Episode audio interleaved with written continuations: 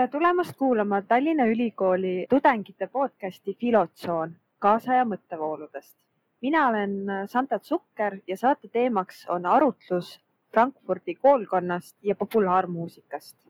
mul on väga hea meel, et minuga on täna vestlemas Tallinna Ülikooli populaarkultuuriteooria lektor Tõnis Kahu. tere. tervist. ma siis kõigepealt alustaksingi selliste küsimustega. kui küsida lihtsalt, siis mida ikkagi hõlmab endas kultuur, milliseid erinevaid mõistekäsitlusi erinevate teoreetikute poolt te isiklikult välja tooksite, näiteks Herderi käsitlus? no kultuuri mõistega on, on seotud väga-väga palju teoreetilisi käsitlusi, väga palju ideid ja nende kõige etteladumine siin nendes piiratud võimalustes ei ole, ei ole mõttekas ega tähtis, aga, aga üks asi vääriks märkimist, see on see, et kultuuri on tihti, tihti siis äh, nagu see sõna päritolu ka osutab, seostatud kultiveerimisega ehk teisisõnu kasvatamisega, noh nii nagu see ladina keele taustaga sõna, mis, mis on jõudnud siis näiteks inglise keelde põllumajanduse nagu agrikultuur, maaviljelus või, või maa harimine, see puudutab ka inimese harimist ja see on üks, üks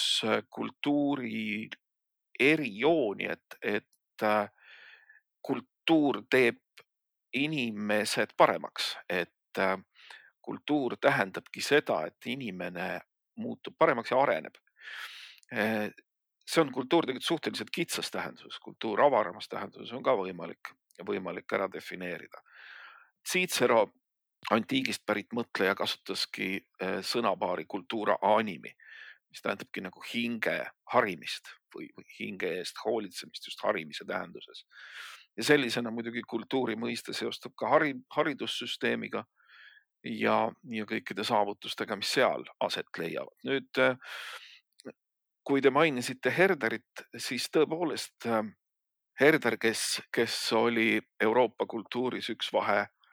seal valgustusaja kandis erakordselt mõjukas nimi. tema tõi ühe olulise täienduse, mis kindlasti puudutab ka kõike seda, mis, mis, mis popkultuuri puhul tähtis on ja nimelt Herder osutas, et see harimine ja, ja kultuurseks saamine ei toimu ainult mingisuguses ühes suunas. kultuur on mõistetav paljususe kaudu, et on olemas väga palju erinevaid kultuure. ja sellisel on Herder muidugi ka tohutult mõjukas autor näiteks Eesti kultuuri seisukohalt, sest kohalikud baltisaksa päritolu intellektuaalid leidsid selle põhjal alusega näiteks Eesti kultuuri uurida. et mis selle Herderi mõtteviisi taga on ja miks see meile on on tähtis ja huvitav, on just nimelt see, et see mitmekesisus, millele Herder viitab, on seotud valgustusaja ühe põhilise idee või ühe põhilise aspektiga ja nimelt see, et, et inimest käsitleti tollel ajal mm, justkui midagi, mis kasvab välja loodusest ja ka inimkultuur kasvab välja loodusest. Ja järelikult kuna loodusele on omane mitmekesisus, siis ei ole kuidagi õigustatud öelda, et on olemas näiteks mingisugune ülimuslik Euroopa kultuur, mille kaudu me saaksime kõiki teisi kultuure defineerida. ja, ja see annab noh, meile tegelikult aluse ka selliseks, selliseks nagu jah, nagu me looduses, eks ole, tunneme ja hindame mitmekesisust. nii me saame seda ka kultuuride puhul teha. ja noh, see, sellel on omad pretsedendid, et et näiteks äh, Dante on kirjutanud äh, erinevate Itaalia murrakute kaitseks ja sellest, kuidas see, need murrakud ja see, kuidas nad inimest ja inimühiskonda väljendavad, kuidas nad erinevad väga äh, näiteks sellest, mida teeb ladina keel, mida ütelda saab üldse ladina keeles, kuigi see tema tekst on kirjutatud neljateistkümnenda sajandi päris alguses ka ladina keeles, siis ta leiab, et ladina keel on ikkagi kunstlik keel, kuna see Eh, kuna see, kuna ka see, kuidas nagu erinevad murrakud kõnelevad, on otseselt seotud inimeste elu, elukeskkonna nõuetega, elukeskkonna võimalustega. nii et sellisena noh, me saame nii Herderi kui ka minu poolest selle Dante kaudu noh, millel võiks ka pikemalt peatuda, aga las ta olla, et saame osutada sellele, et, et siin on nagu algsel kujul olemas populaarkultuuri mõiste, mis just nimelt selle algusest, algses tähenduses populaarkultuuri nagu otsene tõlge oleks ju rahva enda kultuur või rahvast väljendav või rahva poolt väljendatud kultuur, et kui meil selline asi eh, nagu saaks defineeritud, siis me saaksime rääkida jah, populaarkultuurist ja sealtkaudu ka minu poolest eh, populaarmuusikast, aga muidugi noh, nagu aja jooksul on kogu aeg tekkinud uus eh, väli küsimusi ja probleeme, mis on seotud sellega, et millegipärast see rahva enda kultuur ähm, teatud tingimustel ei kipu avanema. et, et sellel on mingisugused takistused ja et näiteks tsivilisatsioon, milles inimesed elavad, tegelikult pigem köndistab ja kuidagi takistab nende eneseväljendusvõimalusi, see oli, see oli samamoodi paljude mõtlejate jaoks küsimus ja vot need on teemad mis juba kandusidki üle sellisesse ka kahekümnendasse sajandisse, kui kultuuri üle arutati ja kui meil siin on juttu kasvõi sellest äh, Frankfurdi koolkonnast ja muust, siis, siis tegelikult äh, nende küsimus oli ka selles, et, et midagi toimub selle rahva kultuurilise väljendusega, miski, mingil viisil on see ka pärsitud või segatud vahele sellele mm. -hmm. kui nüüd tulla juurde selle, selle kultuurimuutuse või ühesõnaga inimesed koondusid üha enam rohkem siis suurlinnadesse, tekkisid uued mõisted nagu vaba aeg ja massid. Äh, millised kultuurilised muutused hakkasid toimuma ühiskonna sees ning kuidas need uued mõisted seda kõike mõjutasid? ja no nende mõistete ja nende protsesside edenemine käis tõesti käsikäes ja tõepoolest see äh, üheksateistkümnendal sajandil toimunud äh, protsesside ahel, mida te mainisite, on siinkohal just oluline ka selles mõttes, mida ma äsja rääkisin, vastates eelmisele küsimusele. Ja nimelt ähm, kui toimus see nii-öelda industrialiseerimise protsess ehk mis tähendas seda, et inimesed lahkusid oma kogukondadest nagu maapiirkondades ja asusid ümber linnas, need kogukonnad lagunesid koost ja inimesed pidid oma elu ehitama üles mingitel täiesti teistsugustel alustel. ja inimesi sai linnadesse palju. see oli noh, omamoodi vägivald nende inimeste kallal, aga vägivald muidugi mitte päris nagu labases mõttes. aga küll on selle protsessi vägivaldsest loomusest näiteks Karl Marx kirjutanud, kes on rääkinud põhimõtteliselt seda, kuidas äh, inimestest sai tööjõud. Ehk kuidas siis inimesed asusid nii-öelda kapitaliteenistusse ja kapitali juhtimisel inimesed asusid ümber sinna, sinna, kuidas nad, äh, sinna, kuhu kapital nõudis, seal, kus toimus tootmine, seal, kus toimusid tootmisprotsessid, sinna pidi minema ka inimesed. ja vastavalt sellele tekkisid täiesti uued äh, nagu töösuhted, töö loov aspekt kahanes ja tõepoolest järjest enam hakati rääkima eh, sellisest ideest nagu mass. ja vot mass on tegelikult nagu fundamentaalselt teoreetiliselt siis vaadeldes vastand sellele, mida me tunneme nagu rahva nime all ja nii seda ka käsitleti. see oli protsess, kus just nimelt rahvast, mida seoti ka näiteks Herderi traditsioonis maarahvaga just, kes teeb oma loovat tööd vahetus kontaktis maaga, et nüüd äh, need inimesed sealt maalt lahkusid ja pidid elama hoopis teist tüüpi elu. ja hakati rääkima massist, kõige tuntum tekst on äh, prantsuse teoreetiku Gustave Le Boni või üks tuntumaid, äh, üks, üks tuntumaid teoseid on temalt, mis, mis seda masside teemat analüüsib. see oli vist hulkade psühholoogia või, või ma täpselt ei mäleta, mis selle, mis selle nimi oli. et ja ilmus see jah tuhat kaheksasada üheksakümmend viis. ja seal ta analüüsib seda massistumist või, või lääne ühiskonna massi kehtestumist kui mingisugust sellist protsessi, mis tegelikult viiks meid äh, noh, selliselt äh, Charles Darwini arenguskaalal isegi tagasi, see, see on nagu teekond mingisuguse loomastumise suunas, kus meie mingisugused nii-öelda atavistlikud või, või mitte tsiviliseeritud instinktid tulevad masside käitumises välja. ja, ja see oli siis näiteks ühe tollase intellektuaali käsitlus sellest, mis asi mass on. massi oli just nimelt näha linnades, see oli selline omamoodi niisugune traagiline inimeste kuhjumine, mis äh, võttis inimestelt nende eripära, mis võttis erinevad nii-öelda kogukonnad lahutas ära. ja vot nüüd küsimus oligi selles, et kuidas me seda massi mõistet siis vaatame kultuuri seisukohalt, mida need massid sinna kaasa toovad sellesse linna. ja noh, masside, masside kogunemine linna üleüldse tähendas ju ka seda, et, ähm, et kui varem ikkagi nii-öelda lihtrahva kultuur oli midagi, mis püsis talle antud piirides, et selle eest äh, hoolitseti, sellest kanti hoolt, siis nüüd ühel hetkel toimus mingisugune kummaline Eh, segunemine just nimelt linnakeskkonnas, kus väga raske on nagu segmenteerida inimesi või inim, inim, inimeste sellist ka kultuurilist väljendust, nad kipuvad segunema, siis just see leidiski aset, et eh, ühel hetkel oli näha üheksateistkümnenda sajandi lõpul kirjutasid sellest paljud teisedki, et on näha, kuidas siis see alamklasside kultuur ei püsi enam seal, kus ta peaks püsima, vaid ta kaldub segunema ja mis eriti õudne, ta isegi tundub mingisugusel viisil olevat atraktiivne näiteks keskklassile, mille areng oli Euroopa linnades üks kõige tähtsamaid teemasid. nii et äh, jah, selline protsess aset leidis, see massi küsimus oli analüüsitud väga mitmel viisil,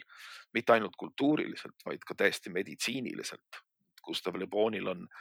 on noh, psühholoogiast laenatud näiteks küll, tal on laenatud hüpnoosi idee, ta käsitleski neid muutusi, mis massiga toimuvad, ta käsitles neid just nimelt tollal väga moodsa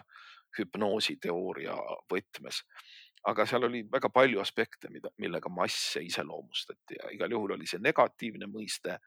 ja, ja see tähendas siis indiviidi lagunemist ja tähendas ka mõnes mõttes kultuuri lagunemist ja asendumist millegi noh, sellise madalamat sorti ilminguga, mida päris kultuuriks ei saa pidada, aga mis puudutab seda tööd ja vaba aega, see on muidugi osa jah, sellest, sellest nagu järgmisest faasist. et ähm, kui me kirjeldame neid muutusi kui mingisugust uut töösituatsiooni, kus inimesed tulid maalt, asusid vabrikutesse tööle, paratamatu protsess, inimesed teenivad kapitali, siis sellega koos äh, käis kaasas tõesti äh, see, et, et kujunes välja idee vabast ajast ja tööst kui kahest erinevast sektorist, millega inimesed tegelevad. Sel viisil nagu varem inimeste aega ei organiseeritud või inimeste rolli sellises linnastunud kapitalistlikus maailmas ei organiseeritud ja kuivõrd mõlemad allusid tööstuslikele protsessidele, seda hakati järjest enam märkama, muuhulgas just Frankfurdi koolkonna poolt, siis tõepoolest leidsid seal aset teatavad sellised eh, muretsemised või, või, või, või tõsised nagu probleemiküllased arutlused, et, et mis saab inimese loomupärasest vabadusest, kui me võtame talt ära vaba töö, aga võtame talt anname talle küll mingisuguse vaba aja, kuid näiteks tootes siis midagi, mida nimetatakse massikultuuriks, tegelikult hävitame inimese vabadusega tema, tema vaba aja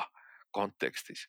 nii et äh, see oli täiesti uus ja väga kiire tegelikult noh, et senise ajaloo seisukohalt olid kõik need muutused, kogu see inimeste linna valgumine oli väga-väga kiire protsess tõesti nii-öelda mõnekümne aasta teema plahvatuslikult leidis aset Euroopa,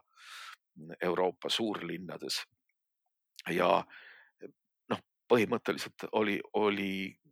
kultuuriteoreetikute reaktsioonid sellele protsessile olid jah, väga-väga valulised ja,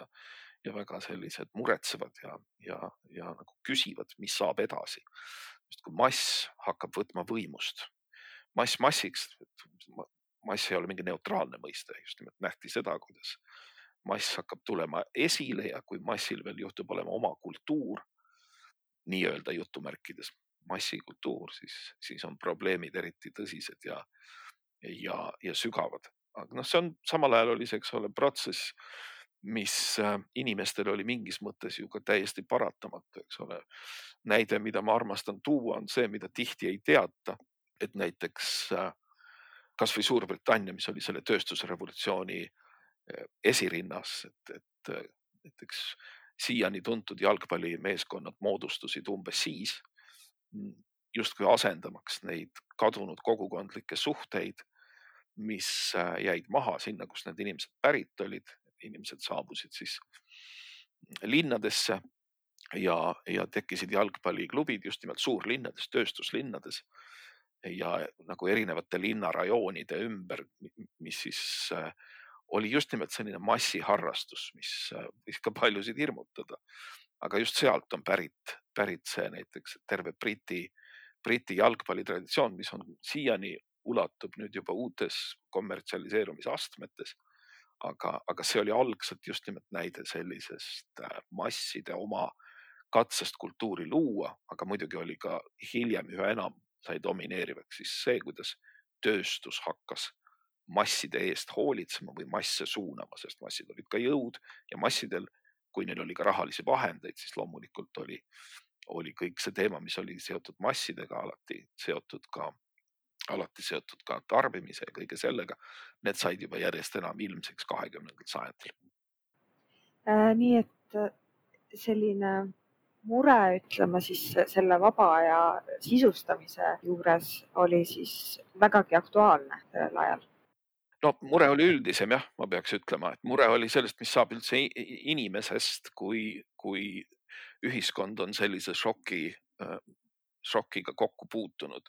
et see ei olnud lihtsalt, et kuidas inimesed oma vaba aega veedavad, vaid et, äh, et isegi vähem probleemne oli see, mida siis see nii-öelda alamklass teeb, vaid et alamklasside meelelahutus kippus kalduma talle ette nähtud piiridest väljapoole. no need Suurbritannia kui klassiühiskond oli sellega kimpus kõvasti. aga et, et jah, eh, loomulikult eh, noh, hiljem, kui, kui hakati neid massikultuuri teooriaid rohkem välja töötama, siis mis säilitasid selle massi mõiste siis jah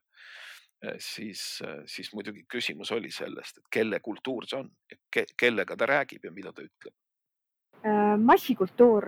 üldisemalt, massikultuurile tihti omaks saanud kriitika äh, lähtub tihtipeale kõrge ja madala suhtest kust pärineb kõrge ja madala suhe ning kuidas on läbi seda võimalik äh, siis kultuuris toimuvat ikkagi analüüsida?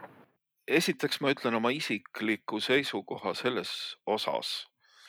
et kuigi võiks eeldada vastupidist, siis ma pean kõrge ja madala mõistete kasutamist vitaalseks, oluliseks ja loovaks ja ma arvan, et seda tehakse kogu aeg, sest et see on osa vajalikust protsessist, mille nimi on väärtustamine väärtustamise protsess ka populaarkultuuri, näiteks populaarmuusika enda sees näeb ette seda, et mingisugused helid või mingisugused väljendusviisid on kõrgemad ja madalamad. see ei tähenda, et nende,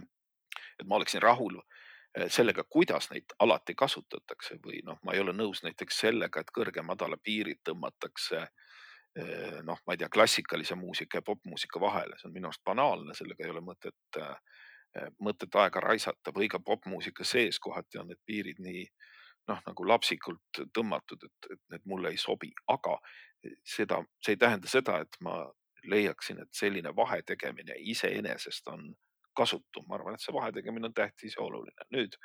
ajalooliselt on see pilt mõnevõrra eh, nagu probleemsem või, või ka keerukam. et ütleme meenutame näiteks olukorda, kus, kus, kus see mõisted üldse näiteks inglise keelde tulid. et need on siis sõnad highbrow ja lowbrow, mis viitavad siis meie nii-öelda otsmiku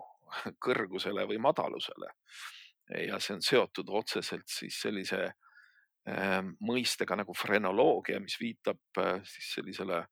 tänaseks üsna halva reputatsiooniga teadusele mida kunagi peeti siiski tõsiteaduslikuks, mis pidi siis teatud anatoomiliste tunnuste järgi tuvastama inimese eh, vaimset, intellektuaalset, aga ka mingis mõttes isegi emotsionaalset võimekust. Ja noh, kindlasti seal natside ajastul sai see üsna kurva ja, ja nagu häbiväärse kuulsuse aga põhimõtteliselt kunagi oli see siiski enam-vähem nii-öelda adekvaatne panus neuroteadustesse. nüüd äh, aja jooksul äh, see noh, ütleme selle mõisteaparatuuri highbrow, lowbrow roll nagu mõnevõrra muutus ja neid hakati tõesti, tõesti küll kasutama, aga noh, sinna tuli näiteks ka selline selline mõiste vahele nagu middlebrow, mis, mis iseloomustas siis sellist keskmist või nagu kultuurilist keskmist või normatiivset või tänapäeval öeldakse mainstream'i või peavoolu. aga, aga põhimõtteliselt seal, seal on üks, üks kindlasti allikas sellele vahe tegemisele. mida see frenoloogia üldiselt tähendab, on, ongi see, et me saame, me saame teatud väliste tunnuste järgi eh, ära tunda see, mis on inimese juures madalat või kõrget ja me saame ka teha näiteks kindlaks tema, tema elu madaluse ja, ja vastavalt ka tema kultuuri madaluse. et äh, noh, ütleme selles mõttes see, see ei olnud enam näiteks ka inimese patususe üle ei otsustanud enam mingi religioon religi, religioosne mõtteviis, vaid just nimelt see teaduslik, teaduslik katsetus, madal madal see otsmik tähendas ka madalat elu, madalaid valikuid, madalaid võimalusi, kõike seda. ja see, need kõik need aspektid tulid äh, mingil kujul sellesse massikultuuri käsitlevasse sõnavarasse sisse, sest et äh, nagu paljud teised, teised jooned, mis millega inimest iseloomustas ja massikultuuri aspekt kuulus sinna juurde selles mõttes, et et see viitaski mingisugusele inimese ebaküpsusele, mitte täielikkusele, et inimene on öö, nagu kuidagi puudulik või probleemne. massikultuure üleüldiselt käsitlustes ei, ei olnud, nagu ma ka enne ütlesin, võetav päris kultuurina. see oli midagi, mis oligi probleem, mida, mis tuli näiteks kasvatusega lahendada. ja noh, muidugi on ju selge, et, et näiteks kuivõrd no ütleme, see teema oli ka hoopis hiljem üleval, nagu me võime ka leida mingist kirjandusest, kirjandusnäiteid leiab siit juba üksi väga palju. et noh, see on seotud näiteks noortega, et noortel on hästi palju Äh, näiteks seksuaalsuse ja muude küsimustega seotud erilisi pingeid ja hädasid. ja see, et näiteks noored kalduvad kuulama rokkmuusikat, et see on üks osa nende mingisugusest äh, vaimsest ebatäiuslikkusest jah. ja sellest, et, et, et noori ja nende kultuuri käsitleti kui mingis mõttes probleemset, mis tuli täiskasvanute poolt nagu välja ravida või noored tulid terveks teha. kogu see massikultuursus mingis mõttes ka juba seal jah, Gustav Le Boni tekstis on ju näha, et seda käsitleti kui mingisugust nii-öelda degeneratsiooni, mingisugust allakäiku. et Gustav Le Bon ei kirjutanud seda nalja pärast, vaid see oli just nimelt hoiatav tekst sellele, kuidas ühiskond käib teatud kultuuriliste mõjurite toel alla, kuidas siis massikultuur tähendab ja tähistab allakäiku, üldist isiksuse allakäiku ja tõepoolest see, nagu ma ütlesin, kahekümnendal sajandil ikka päris kaua aega kestis see idee, et äh, kui me räägime massikultuurist, siis see ei ole nähtus, mida tuleks kultuuriliselt analüüsida. näiteks uurida seda, kuidas siis need noored, kelle eest nii väga hoolitseti, kuidas nad seda ise, kuidas nad seda kultuuri ise, mida nad teevad, kuidas nad seda temaga käituvad, vaid seda käsitleti kui mingisugust äh, probleemi, millest noored tuli välja ravida, just nagu ma ei tea, eh, masturbeerimisest või millestki, millestki sellisest, mida, mida täiskasvanute maailm pidas noorte puhul eh, probleemseks. nii et eh, see on kindlasti üks lähenemisviis, mis just puudutas seda, puudutas seda massikultuuri massikultuur, nagu ma ütlesin, käsitlus oli selline, et see vohab eeskätt linnas näiteks linnainimeste, linnanoorte seas. Ja noh, sealt on ka, eks ole, see on seotud sellesama ideega ka, mida, mida eh, te olete ka ilmselt kuulnud, kuidas linn on igasuguse patususe ja allakäigu pesa, samal ajal kui kusagil maal püsivad veel mingisugused terved väärtused ja arusaam maailmast, õige arusaam maailmast, siis linn on seotud alati mingisuguse allakäiguga, mingisuguse madalusega, kommete madalusega ja nii edasi, nii edasi, nii edasi. nii et äh, nagu huvitavad ongi siin nagu kaks aspekti, see kahjulikkuse aspekt, mis massikultuuriga kaasas käis ja teiseks siis see, et nagu ma ka siin enne rääkisin, see kahjulikkuse aspekt on tihtipeale siis seotud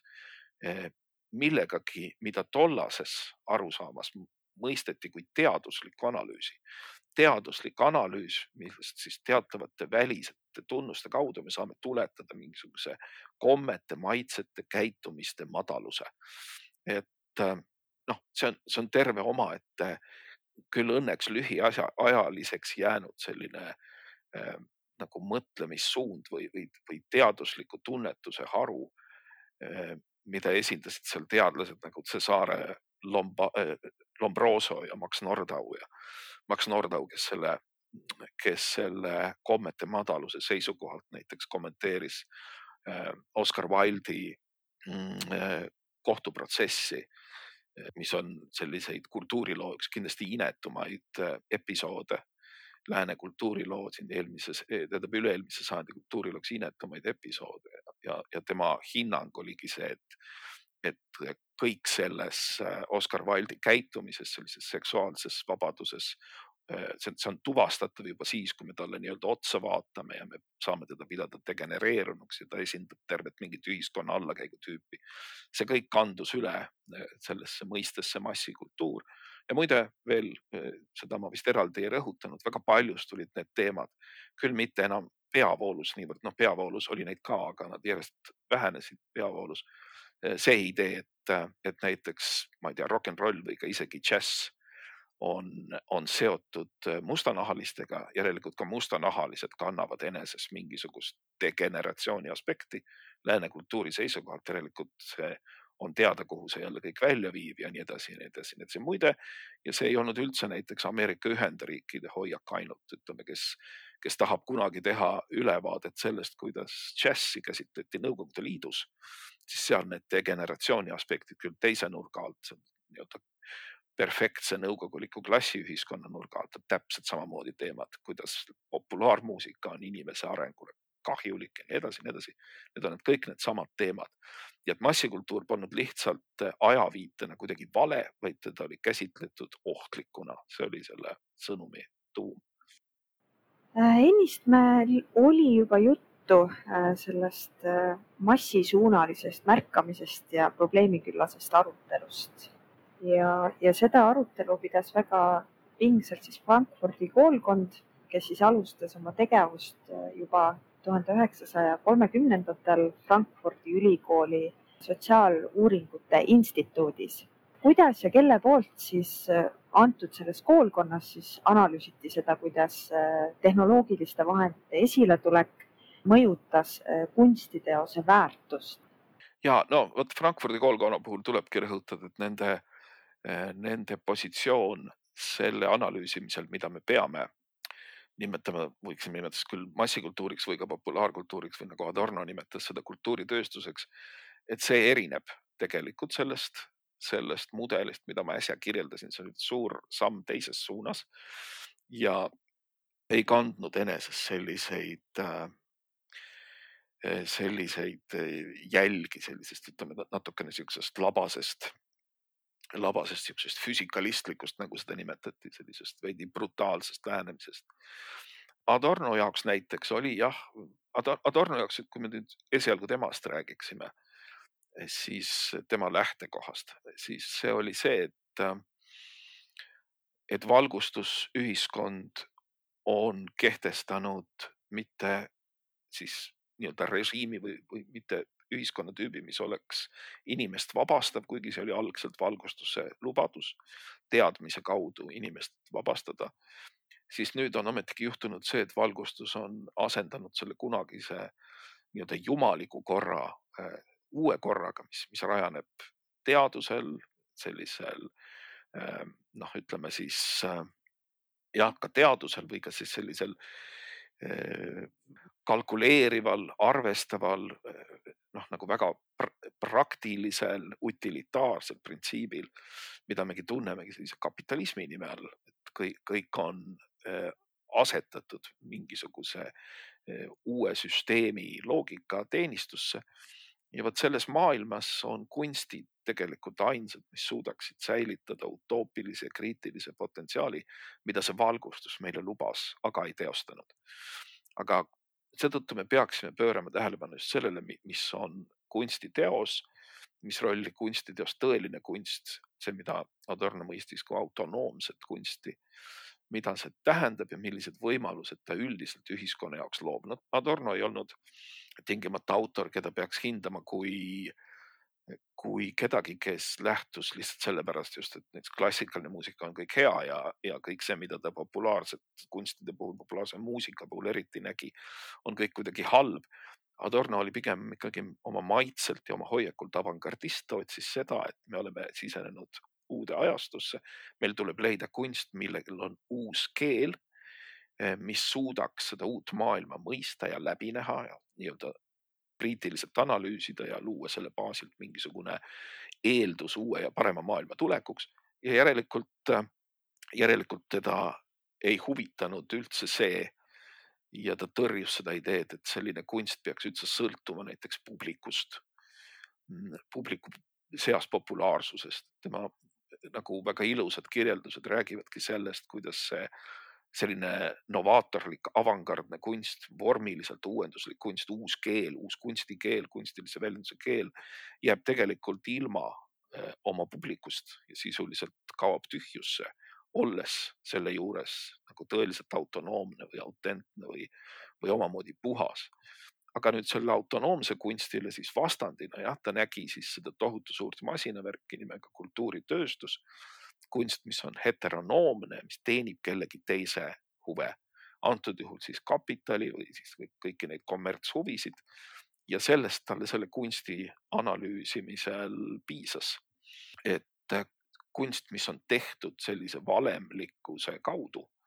ei saa tegelikult Äh, maailmale midagi olulist või kasulikku pakkuda. muidugi Adorno ei olnud ainus, kes, kes analüüsis, äh, kes analüüsis äh, kunsti saatust sellises just nimelt tehnilises maailmas, et Walter Benjamini teine, teine autor Frankfurdi koolkonnas, Walter Benjamin nägi asju üsna teistmoodi.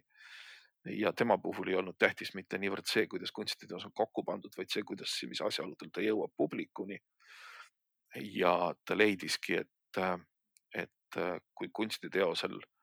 ehk on tema algses puhtas nii-öelda aja ja kohaga määratletud vormis olemas mingisugune aura, siis kunstiteost kopeerides, nii nagu me kujutame ette, et näiteks noh, ütleme tollel ajal siis kultuurivaldkonnas ju toimus, et hakkas, hakati kopeerima ja levitama teatud kunstiobjekte et siis see tagab selle, et kunstiteosel on võime, võime jõuda inimeseni viisidel, mis varem ei olnud võimalikud ja mõjutada inimesi viisidel, mis, mis noh, varem ei olnud mõeldavad, me ei saa, me ei, me ei lähe enam kunstiteose juurde, vaid uuel ajastul kunstiteos otsib meid üles ja meil tekib temaga mingi täiesti uus suhe. nii et äh, nende positsioon oli erinev, kui Adornot huvitas see, kuidas kunstiteos kokku panna, siis Benjaminil see, kuidas kunstiteos on võimeline leidma inimest üles hoopis teistes situatsioonides kui see, kus ta loodud on. et on uus ja loov protsess. et äh, noh, Adorno, Adornost erinevalt Benjamin osutas ju ka sellele, kuidas äh, on olemas terved kunstiliigid, mis ongi rajatud sellele, et nad ongi kopeeritavad, reprodutseeritavad ja see annab neile erilise jõu, filmikunst, fotokunst ja ma ise lisaksin Benjamin sellest ei kirjuta, aga ka näiteks kõik see, mis toimub äh, muusikaga helisalvestustehnoloogia mõju all. kõik see avab inimesele mingisugused täiesti uued seosed muusikaga, mida ei ole, mida ei ole sellistes traditsioonilistes kunstis puutuvates arusaamades üldse olemas. aga Adorno positsioon oli, oli jah natukene teine ja nad olid omavahel omavahel ka üsna eri meelt ja, ja arutasid neid asju ka ja ei, ei leppinud ka kokku. Benjamini kindlasti nagu mõtete toetajateks oli, oli see, mida tema sõber ja lavastaja Bertolt Brecht praktiseeris või, või üritas, üritas äh, maailmale pakkuda. et see on selline terve mõtlemise suund, aga jah, siin on erinevad positsioonid, Frankfurdi koolkonnal ongi väga erinevad positsioonid, aga kokkuvõttes veel seda, nende kohta võiks öelda, ütleme selle küsimuse kokkuvõtteks siis, et, et nad erinesid väga, kuigi toetusid ka sellise Marxi loogikale paljuski, aga nad erinesid väga Marxist ühes mõttes, et nad andsid kunstile, kunstijõule maailma muuta, mõlemad. Väga-väga suure jõu ja see on üldse iseloomulik Frankfurdi koondkonnale. kunstil on, on nagu kaalukam jõud, eh, kui võiks arvata, kui see Marxi teooria järgi välja tuleks Äh, kuna me jõudsime nüüd Frankfurdi koolkonnas siis tegutsevas äh, maailmas, jõudsime siis Adornoni ja Adorno analüüsis siis põhjalikult ka populaarmuusikat. Äh, mis oli tema käsitlus ning kuidas teie seda edasi arendaksite siis oma mõtete ja ideedega? Adorno puhul tuleb öelda seda, et äh, esiteks on see küllalt oluline, et ta räägib äh,, kuidas ma ütlen, ühesõnaga, ta ei räägi äh, otseselt ju, eks ole, massikultuurist või isegi populaarkultuurist, ta räägib äh, kultuuritööstusest kui mingisugusest tehnilisest aparatuurist, millel on äh,, millel on võimekus kasutada, äh, võtta kultuurist igasuguseid elemente ja neid kasutada. Äh, see on omamoodi selline Äh, võib-olla tänapäeval natuke mõistmatu positsioon, kus me igasuguseid süsteemsusi ja masinavärke ei karda või ei umbusalda niivõrd.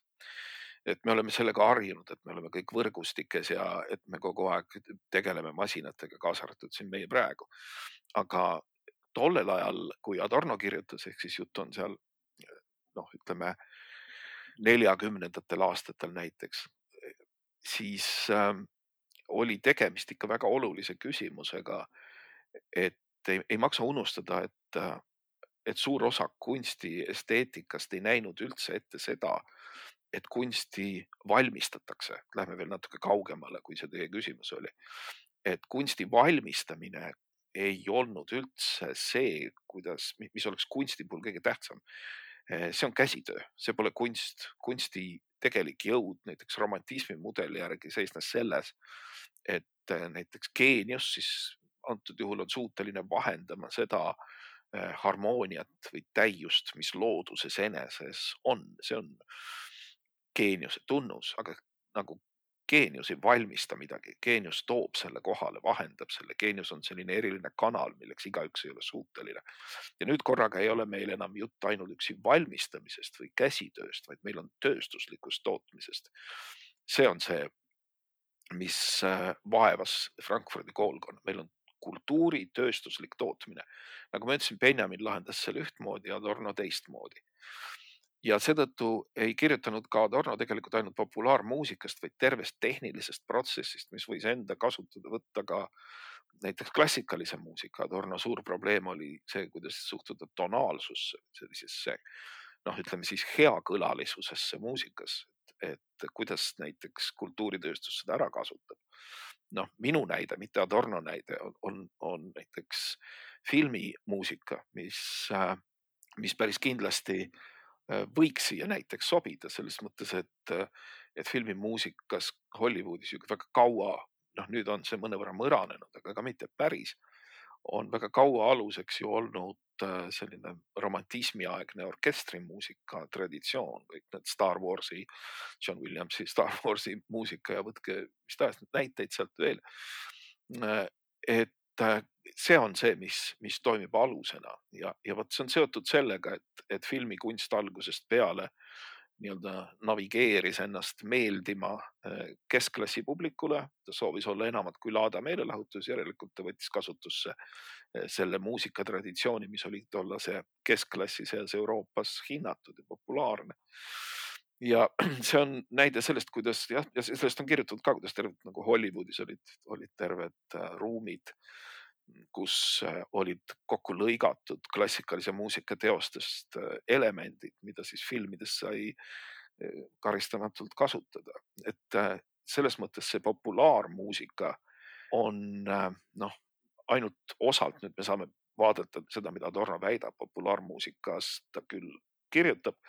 aga, aga see mõiste on tema puhul kindlasti avaram. teine, mida tahaks rõhutada, on see, et Adorno tegelikult, see on osalt selle eelmisega seotud, mis ma just rääkisin, et ega Adorno populaarmuusikast kuigi palju ei teadnud. segadust tekitab siiamaani see, et ta kasutas selle puhul sõna džäss, mis küll seletub sellega, et džäss oli kogu populaarmuusika Äh, katusmõiste kahekümnendatel ja kolmekümnendatel aastatel. Aga kui ma ütlen, et Adorno sellest praktiliselt ei teadnud ja tegelikult ka ei huvitunud, vaid tema tema loogika oli teistsugune, umbes selline, nagu ma juba olen ka enne kirjeldanud temast rääkides, see, kuidas muusikat luuakse ja kuidas ta noh, näiteks või kuidas kultuuri luuakse, kas kultuur allub mingisugustele eh, kalkuleeritud valemitele, mingisugustele äratuntavatele üksikelementidele, mida siis uuesti ja uuesti kasutatakse, see oli põhiliselt see tema loogika, kui, kui ta analüüsis kultuuritööstust, siis see toimib just nii. Siis Adorno näiteks ei tundnud tegelikult selle vastu huvi, millest see džäss või tolleaegne populaarne muusika üldse koosnes. et me oleme tänapäeval kõik äh, nagu kõik, kes loevad Adorno tekste selles vallas, avastavad, et et ta täiesti ignoreeris näiteks Afroameerika muusika rolli selles.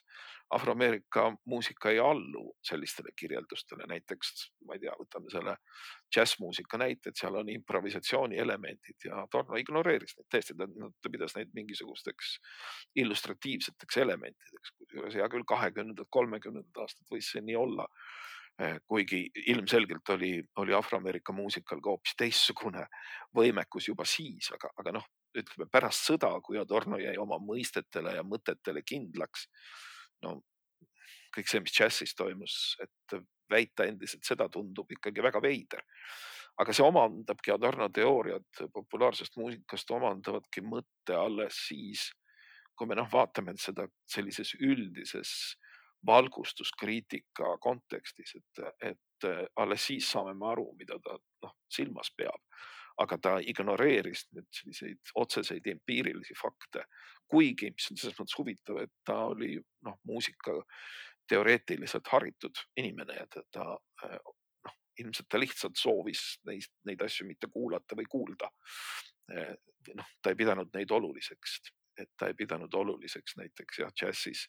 improvisatsiooni elementi, ta, ta mainib seda, aga ta peab seda mingisuguseks selliseks pettemanöövriks, mis nagu petaks ära eh, meid selle osas, et tegemist on ikkagi, et tegemist on ikkagi sellise ettenähtud valemiga, et populaarmuusikat ta näebki ette kui, kui mingisugust valemite järgi tehtud, tehtud eh, sellist toodet. nüüd teine küsimus, mis, mis mind muidugi vaevab ka ja vaevab võib-olla rohkemgi kui see esimene moment Adorno muusikakäsitluse juures on see, et ja sellesse ilmselt ei jõua väga minna, see on tohutu pikk teema. on see, et Adorno tõesti eeldas, et, et kui muusika on kokku pandud teatud viisil või noh, igasugune selline kultuuritööstuse toode on kokku pandud tõepoolest ratsionaalsel, kalkuleeritud viisil, siis see tagab ka selle, et, et inimeste reaktsioonid on kontrollitud, et see on üldisem selline sotsiaalse kontrolli viis nagu ta ütleb, sotsiaalne tsement. Et see on nüüd väide, mis on nii palju kordi ümber lükatud juba, et muusika, mis on lihtne, isegi primitiivne, brutaalne, nelinurkne, neli-neljandik rütmiga ja, ja noh, väga lihtsa mingi harmoonilise lahendusega. et selline muusika tähendab ka seda, et, et äh, inimeste reaktsioonid on äh, juhitud, valitsetud ja kontrolli all. et äh, siin võib taas eeldada või oletada, mida Torno silmas peab, aga praktiliselt see nii ei ole. et äh, noh, see, see ikkagi selle varjus on